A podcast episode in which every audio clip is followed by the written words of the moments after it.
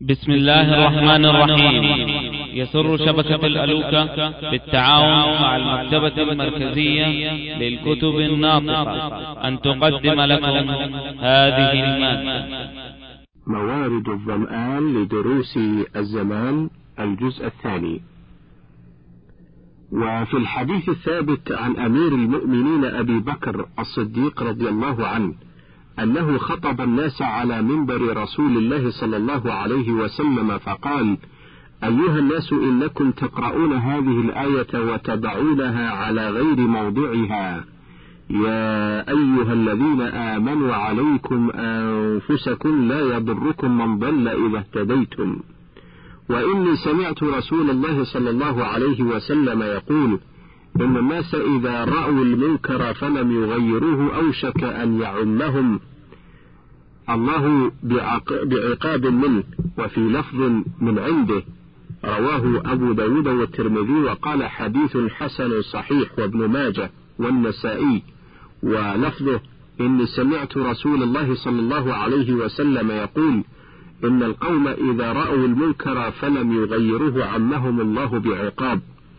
وفي رواية لأبي داود سمعت رسول الله صلى الله عليه وسلم يقول ما من قوم يعمل فيهم بالمعاصي ثم يقدرون على أن يغيروا ثم لا يغيروا إلا يوشك إلا يوشك أن يعمهم الله منه بعقاب. وفي رواية إن الناس إذا رأوا الظالم فلم يأخذوا على يديه أوشك أن يعمهم الله بعقاب من عنده.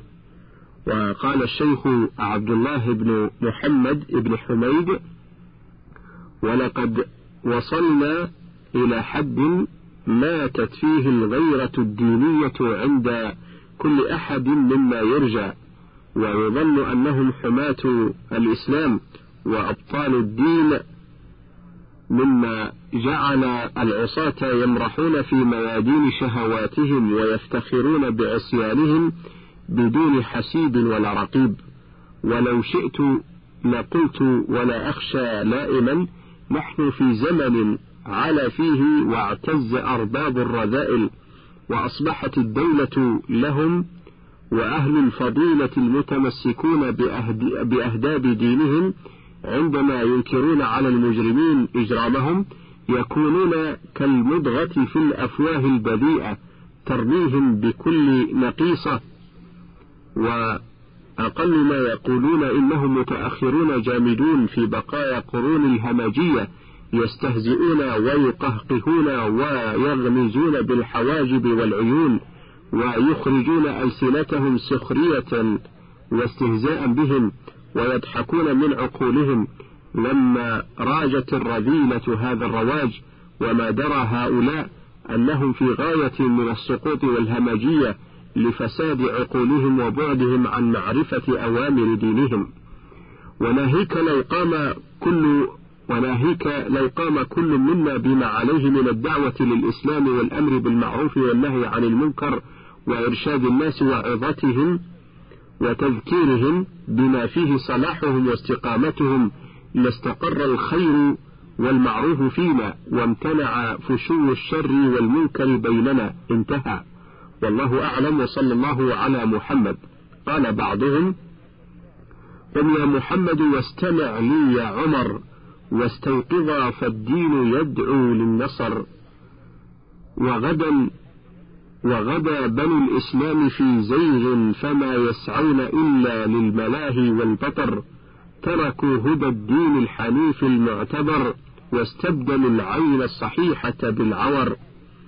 ونسوا أصول الدين من دهش وقد أضحى نصير الشرع فيهم محتقر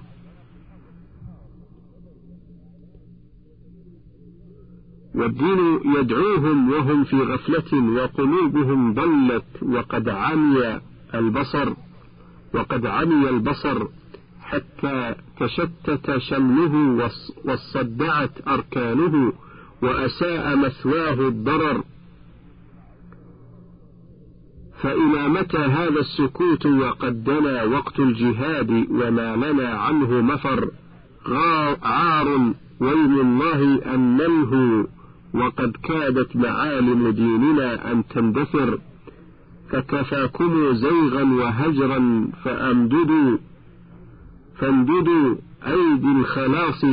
وأيدوا الدين الأغر وذروا جدام الملحدين فإنهم فقدوا الرشاد وكان مأواهم سقر وتكاتفوا في السعي حول نجاته.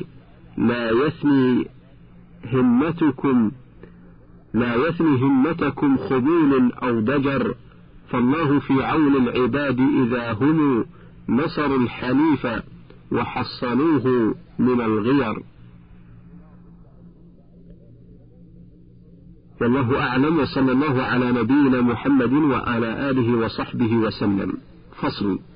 وعن أبي سعيد الخدري رضي الله عنه قال سمعت رسول الله صلى الله عليه وسلم يقول من رأى منكم منكرا فليغيره بيده فإن لم يستطع فبلسانه فإن لم يستطع فبقلبه وذلك أضعف الإيمان. رواه مسلم. وعن ابن مسعود رضي الله عنه أن رسول الله صلى الله عليه وسلم قال ما من نبي بعثه الله في أمة قبلي إلا كان له من أمته حواريون وأصحاب يأخذون بسنته ويقتدون بأمره ثم تخلف من بعدهم خلوف يقولون ما لا يفعلون ويفعلون ما لا يؤمرون فمن جاهدهم بيده فهو مؤمن ومن جاهدهم بلسانه فهو مؤمن ومن جاهدهم بقلبه فهو مؤمن. ليس وراء ذلك من الإيمان حبة خردل. رواه مسلم. وعن حذيفة رضي الله عنه عن النبي صلى الله عليه وسلم قال والذي نفسي بيده لتأمرن بالمعروف ولتنهون عن المنكر أو ليوشكن الله أن يبعث عليكم عقابا منه ثم تدعونه فلا يستجاب لكم. رواه الترمذي وقال حديث حسن. وروى الترمذي عن أبي هريرة رضي الله عنه أن رسول الله صلى الله عليه وسلم مر على صبرة طعام فأدخل يده فيها فمالت أصابعه فمالت أصابعه بملا. فقال ما هذا يا صاحب الطعام؟ قال أصابته السماء. يا رسول الله. قال أفلا جعلته فوق الطعام حتى يراه الناس من غشنا فليس منا. فهذا نهي منه صلى الله عليه وسلم عن منكر. هو غش الناس في طعامهم وأجمعت الأمة على وجوب الأمر بالمعروف والنهي عن المنكر. وأخرج الإمام أحمد في المسند أن الوليد بن عقبة أخر الصلاة مرة فقام عبد الله بن مسعود فثوب بالصلاة فصلى بالناس.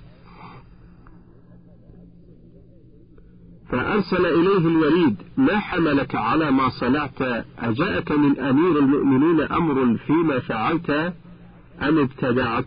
قال لم يأتني أمر من أمير المؤمنين ولم أبتدع.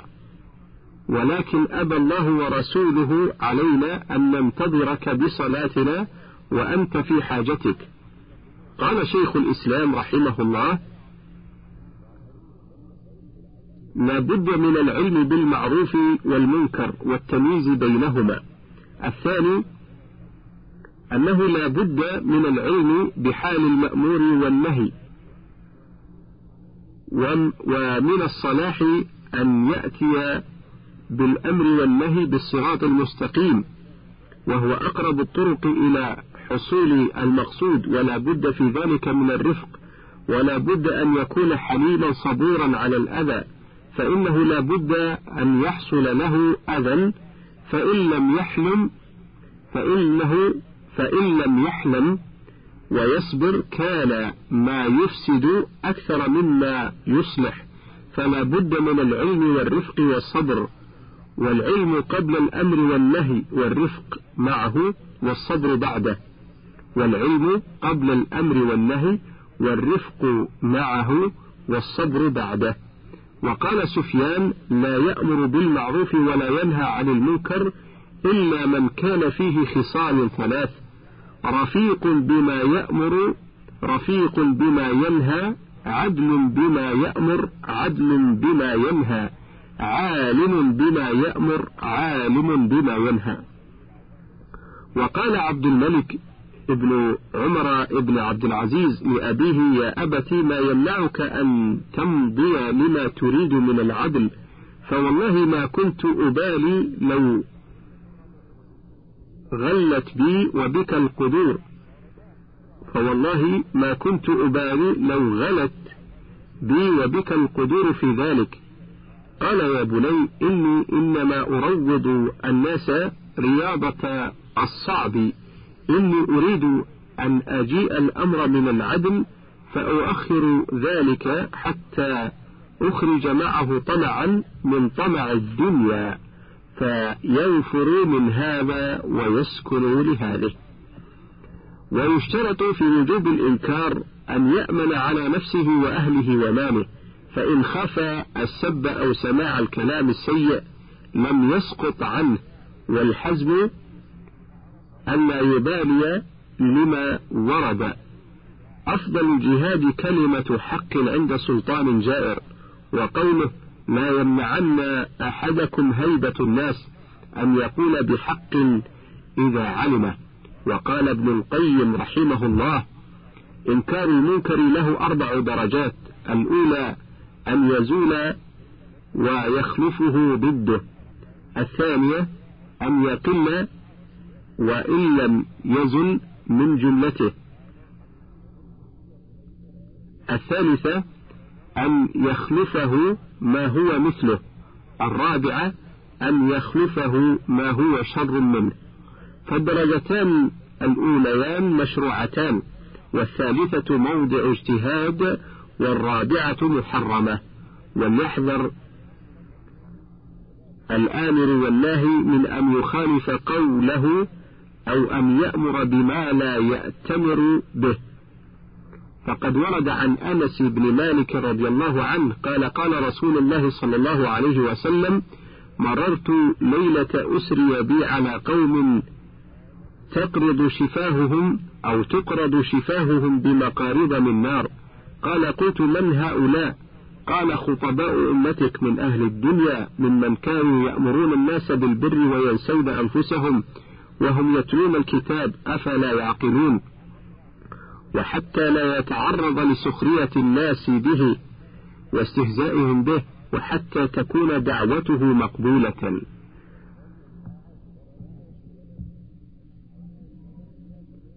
فراك من الأيام ناب ومخلب وخانك لون الرأس والرأس أشيب فحتى لا تنفك جامح همة.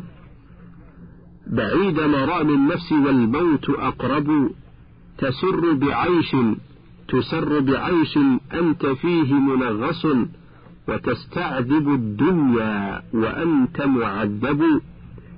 تغذيك والأوقات جسمك تغتذي تغذيك.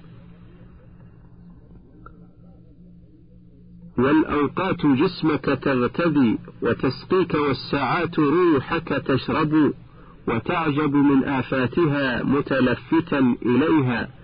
لعمر الله فعلك أعجب وتحسبها بالبشر تبطل خلة. فيظهر منها غير ما تتحسب.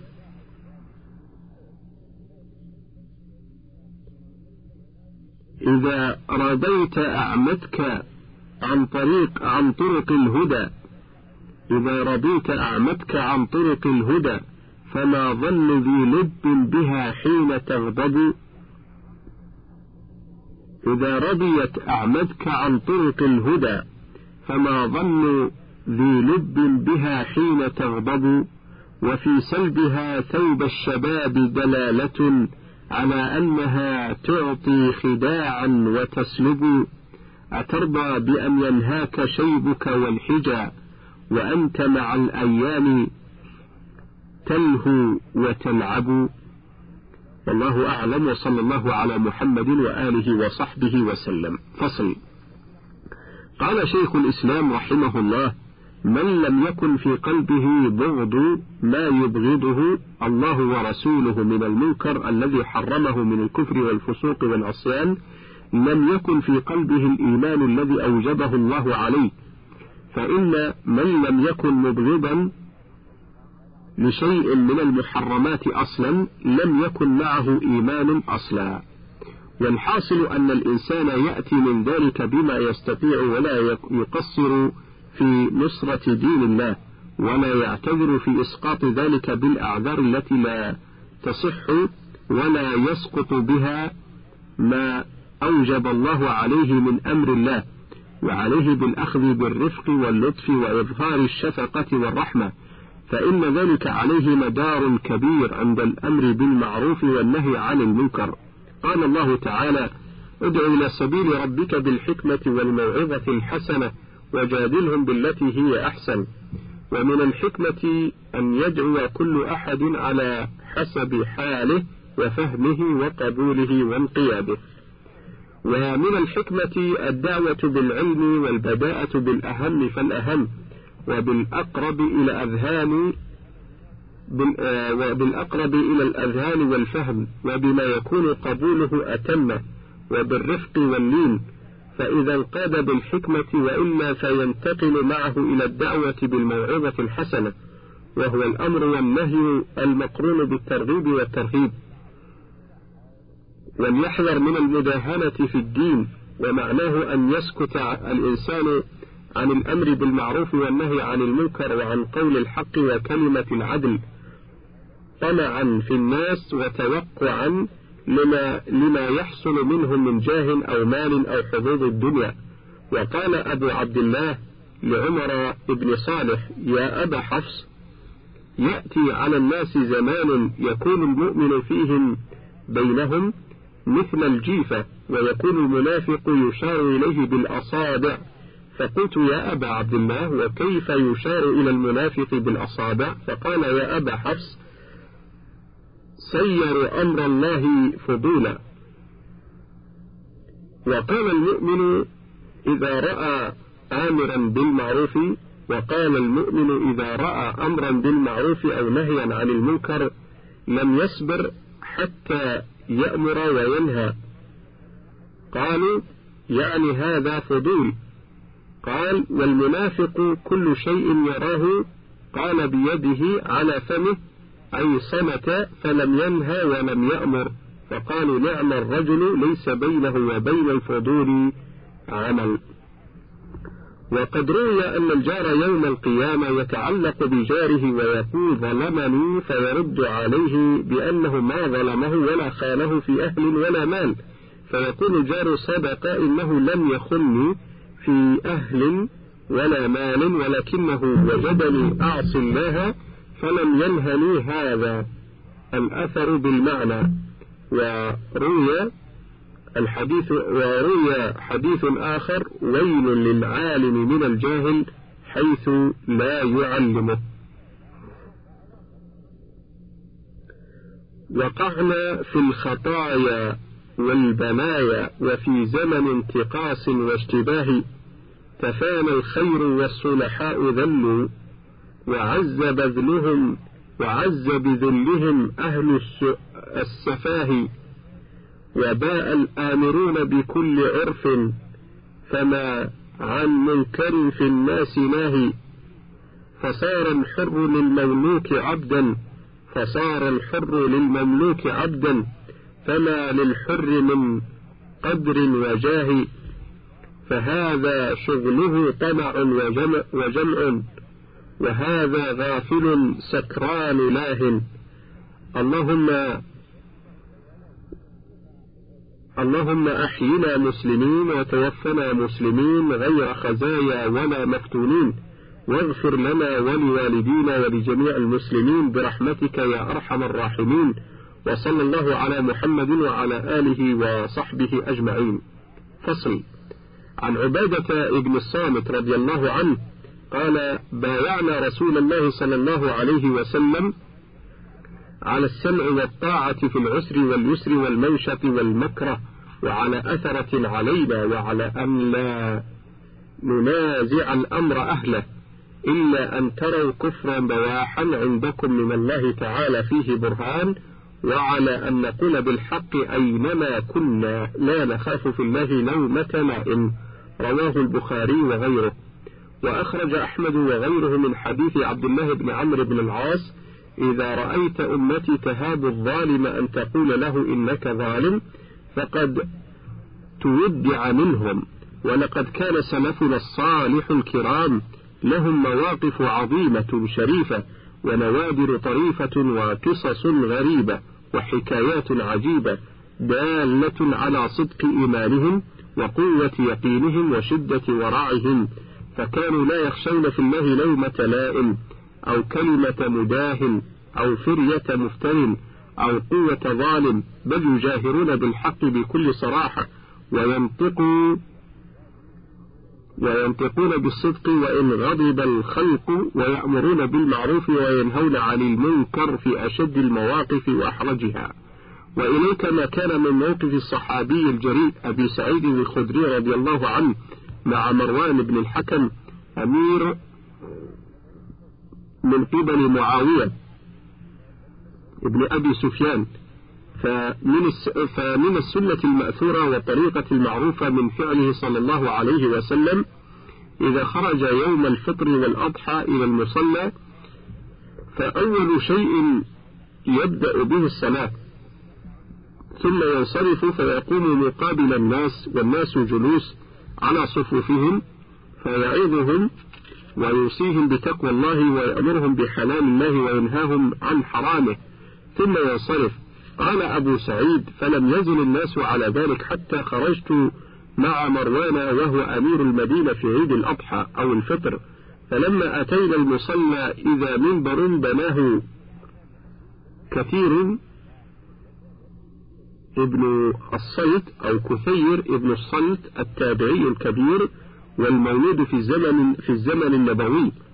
فإذا مروان يريد أن يرتقيه قبل أن يصلي وفيه مخالفة للسنة الصحيحة والعمل المأثور عن النبي صلى الله عليه وسلم فجذبت بثوبه ليبدأ بالصلاة قبل الخطبة فجذبني فارتفع على المنبر فخطب قبل الصلاة.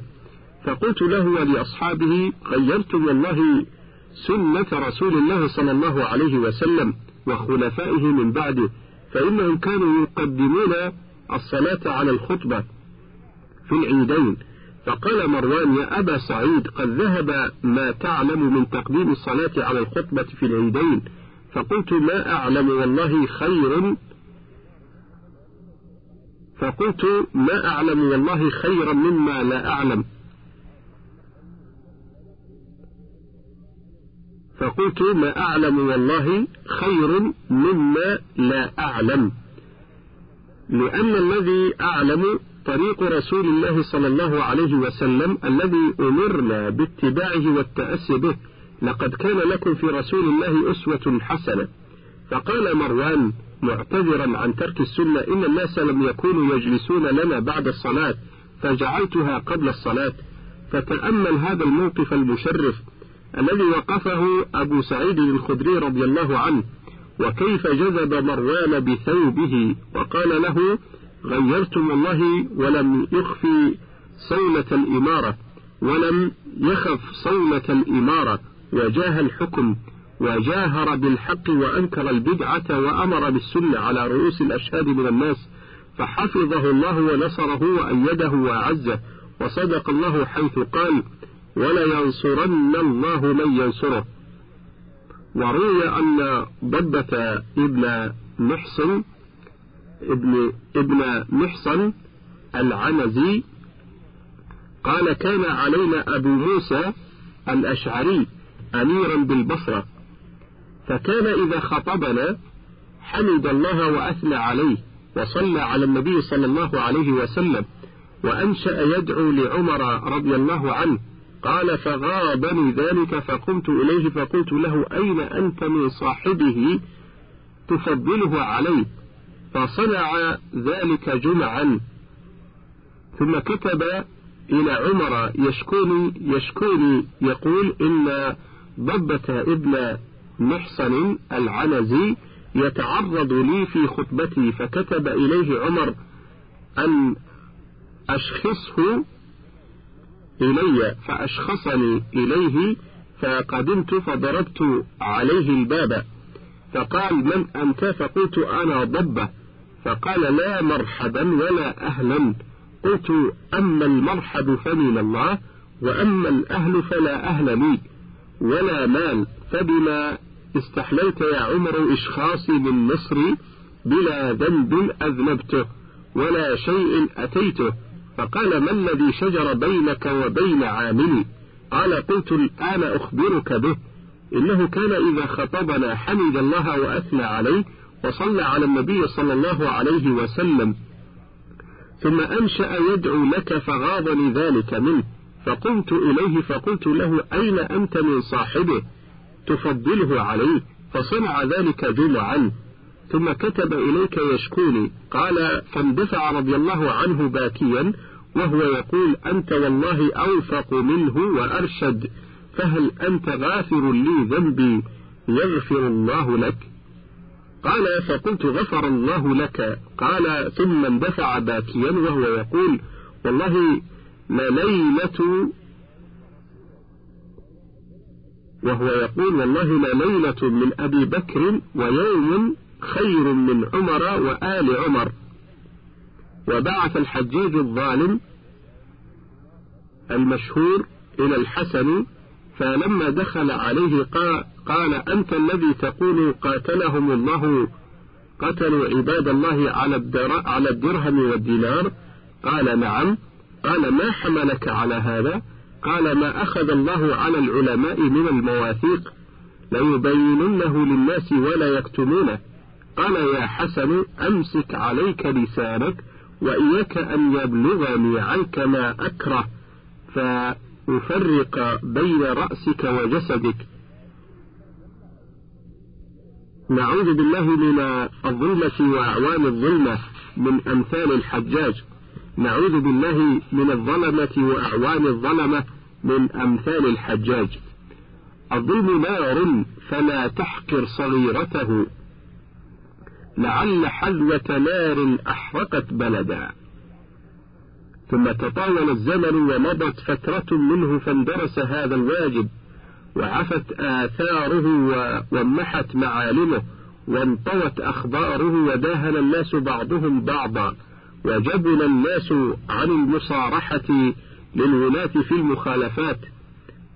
إلا نوادر مروا خلال القرون الأولى. أما نحن فصارت شجاعتنا وصلابتنا وإنكاراتنا حول ما يتعلق بالدنيا. أما ما يتعلق بالدين فليس عندنا من الإنكار إلا التلاوم فيما بيننا. إذا أمن بعضنا من بعض فلا حول ولا قوة إلا بالله العلي العظيم. قال ابن القيم رحمه الله قل لي متى سلم الرسول وصحبه والتابعون لهم على الإحسان من جاهل ومعاند ومنافق ومحارب بالبغي والطغيان وتظن أنك وارثا لهم وما نلت الأذى في نصرة الرحمن. كلا ولا جاهدت حق جهاده في الله لا بيد ولا بلسان. منتك والله المحال منتك والله المحال النفس فاستحدث فاستحدث سوى ذا الرأي والحس والحسبان. لو كنت وارثه لآذاك الأولى. لو كنت وارثه لآذاك الأولى ورثوا عداه بسائر الألوان. وقد قيل إن المنكرات أشبه بجراثيم الأمراض في تنقلها وانتشارها والتأثر بها بإذن الله فإن وجدت كفاحا يحجر عليها في مكانها حتى يقتلها ويبيدها سلم منها موضعها وسلم منها ما وراءه وإذا لم تجد كفاحا وتركت وشأنها اتسعت دائرتها وتفشت في جميع الأرجاء وقضت على عناصر الحياة وعرضتها للفناء والدمار. ومن هنا كان أثر المنكرات غير خاص بمرتكبها. ومن هنا كان أثر المنكرات غير خاص بمرتكبيها. وكان الساكتون عليها عاملين على نشرها وإذاعتها. وبهذا الموقف السلبي يكونون أهلا لحلول العقاب بهم وإصابتهم بما يصاب بها بما يصاب به المباشرون لها. ومما يدل على هذا قوله تعالى واتقوا فتنة لا تصيبن الذين ظلموا منكم خاصة وقال الشيخ عبد الله بن محمد بن حميد في آخر رسالة له تتضمن الحث على الأمر بالمعروف والنهي عن المنكر قفا نبكي على رسوم علوم الدين والإسلام الذي بدأ يرتحل من بلاده ولكن يا للأسف على منام القلوب وقيام الألسنة بالتقول وقيام الألسنة أو الألسنة بالتقول والتأويل على الإسلام بما لا حقيقة له. لقد انطمس المعنى وذهب اللب وما بقي إلا قشور ورسوم.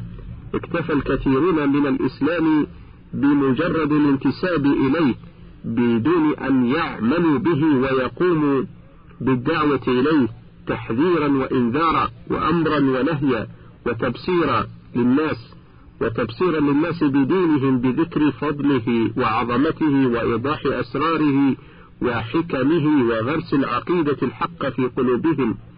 فهذا واجب المسلمين بعضهم لبعض كل على قدر استطاعته ومقدرته. انتهى.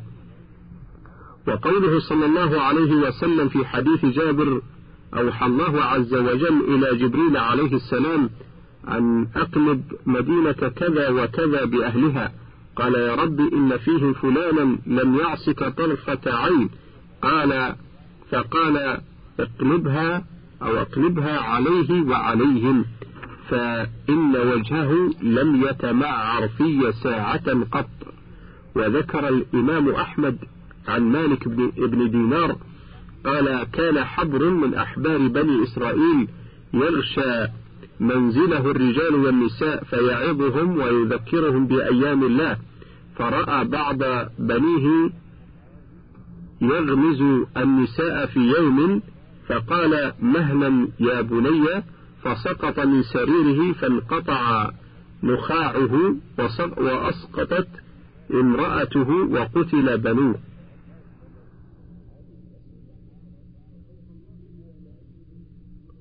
فأوحى الله إلى نبيهم أن أخبر فلانا الحبر أني لا أخرج من صلبك صديقا أبدا. ما كان غضبك إلا أن قلت مهلا يا بني.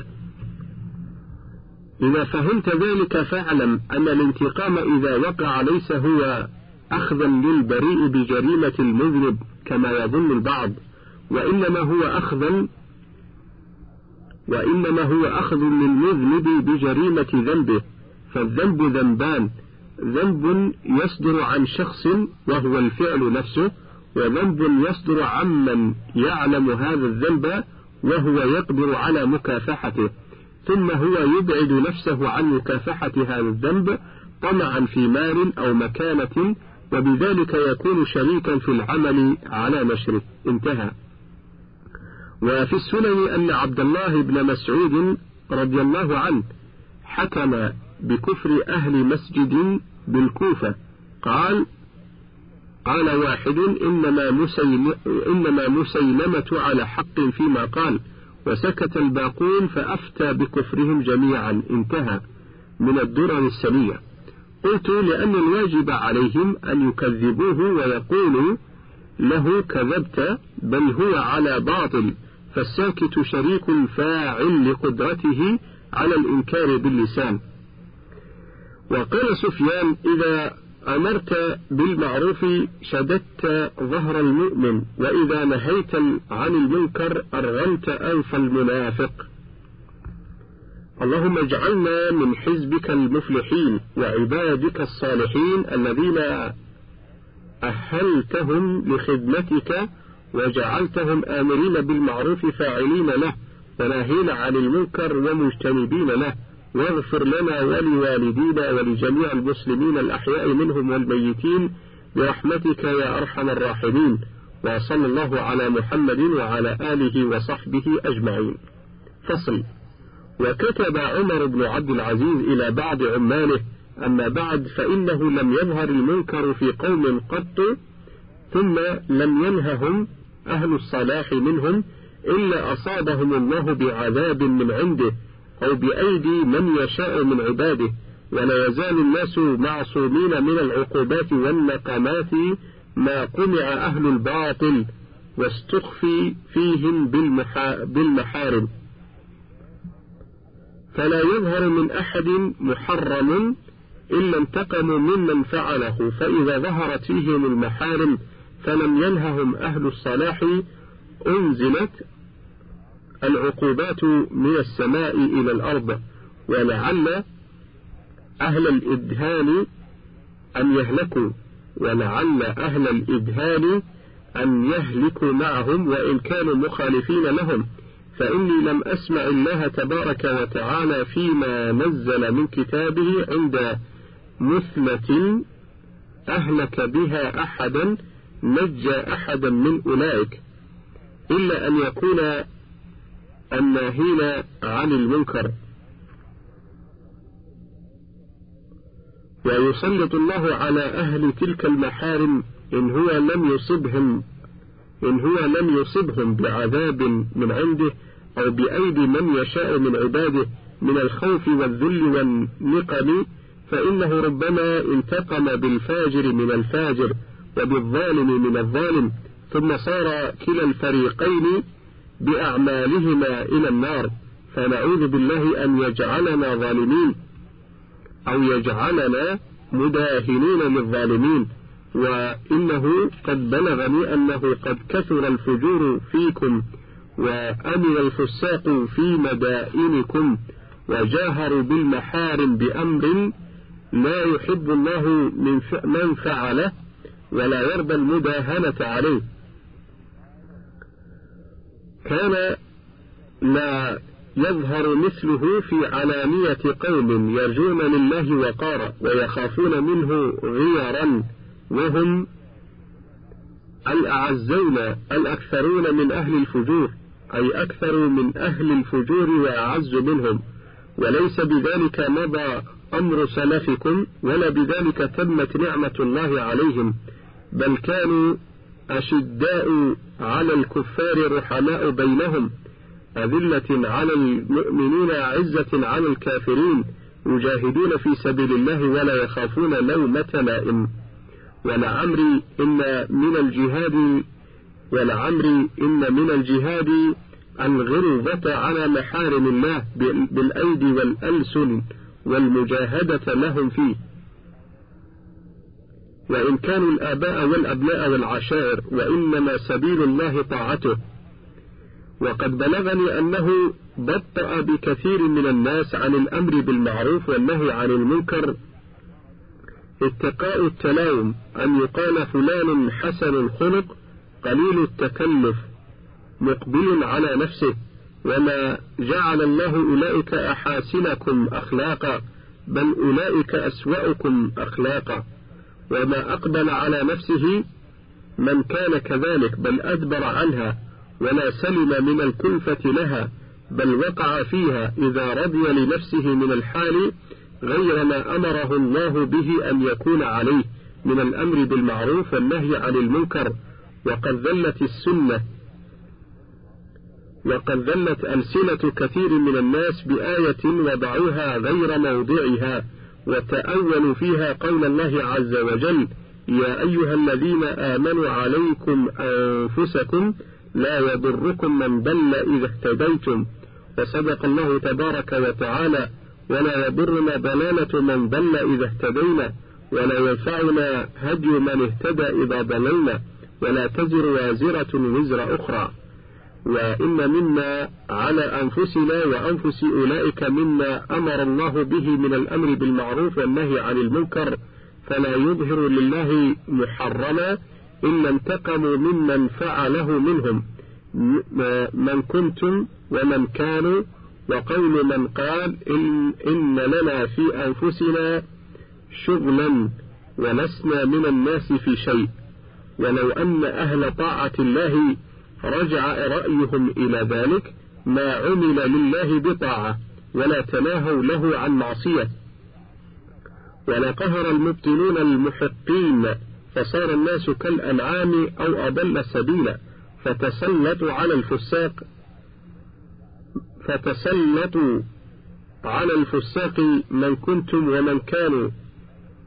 فادفعوا بحقكم باطلهم وببصركم عماهم فإن الله جعل للأبرار على الفجار سلطانا مبينا وإن لم يكونوا ولاة ولا أئمة. ومن ضعف عن ذلك فليرفعه إلى إمامه فإن ذلك من التعاون على البر والتقوى. قال الله لأهل المعاصي أفأمن الذين مكروا السيئات أن يخسف الله بهم الأرض أو يأتيهم العذاب أو يأتيهم العذاب من حيث لا يشعرون؟ أو يأخذهم في تقلبهم فما هم بمعجزين. ولا ينتهين الفجار أو لا أو ليهينهم الله بما قال لنغرينك بهم الآية.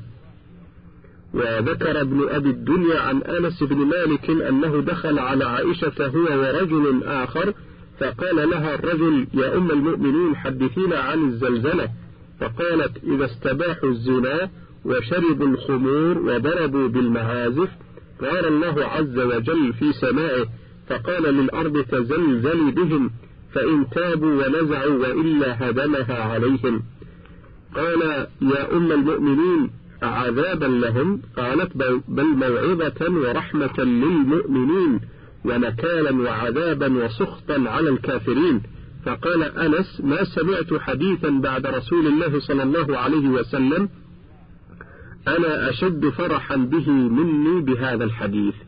وذكر ابن أبي الدنيا حديثا مرسلا أن الأرض تزلزلت على عهد رسول الله صلى الله عليه وسلم فوضع يده عليها ثم قال اسكني فإنه لم يأن فإنه لم يأن لك بعد.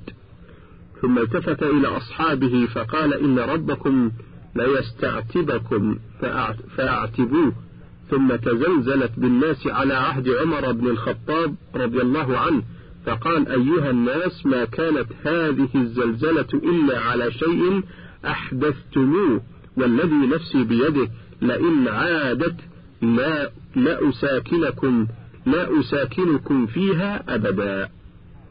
وفي مناقب عمر لابن أبي الدنيا أن الأرض على عهد عمر تزلزلت فضرب يده عليها وقال ما لك أما إنها لو كانت القيامة حدثت أما إنها لو كانت القيامة حدثت أخبارك. سمعت رسول الله صلى الله عليه وسلم يقول إذا كان يوم القيامة فليس فيها ذراع ولا شبر إلا وهو ينطق. وكتب عمر بن عبد العزيز للأمصار أما بعد فإن هذا الرجف شيء يعاقب الله عز وجل به العباد. وقد كتبت إلى الأمصار أن يخرجوا في يوم كذا وكذا في شهر كذا وكذا فمن كان عنده شيء فليتصدق به.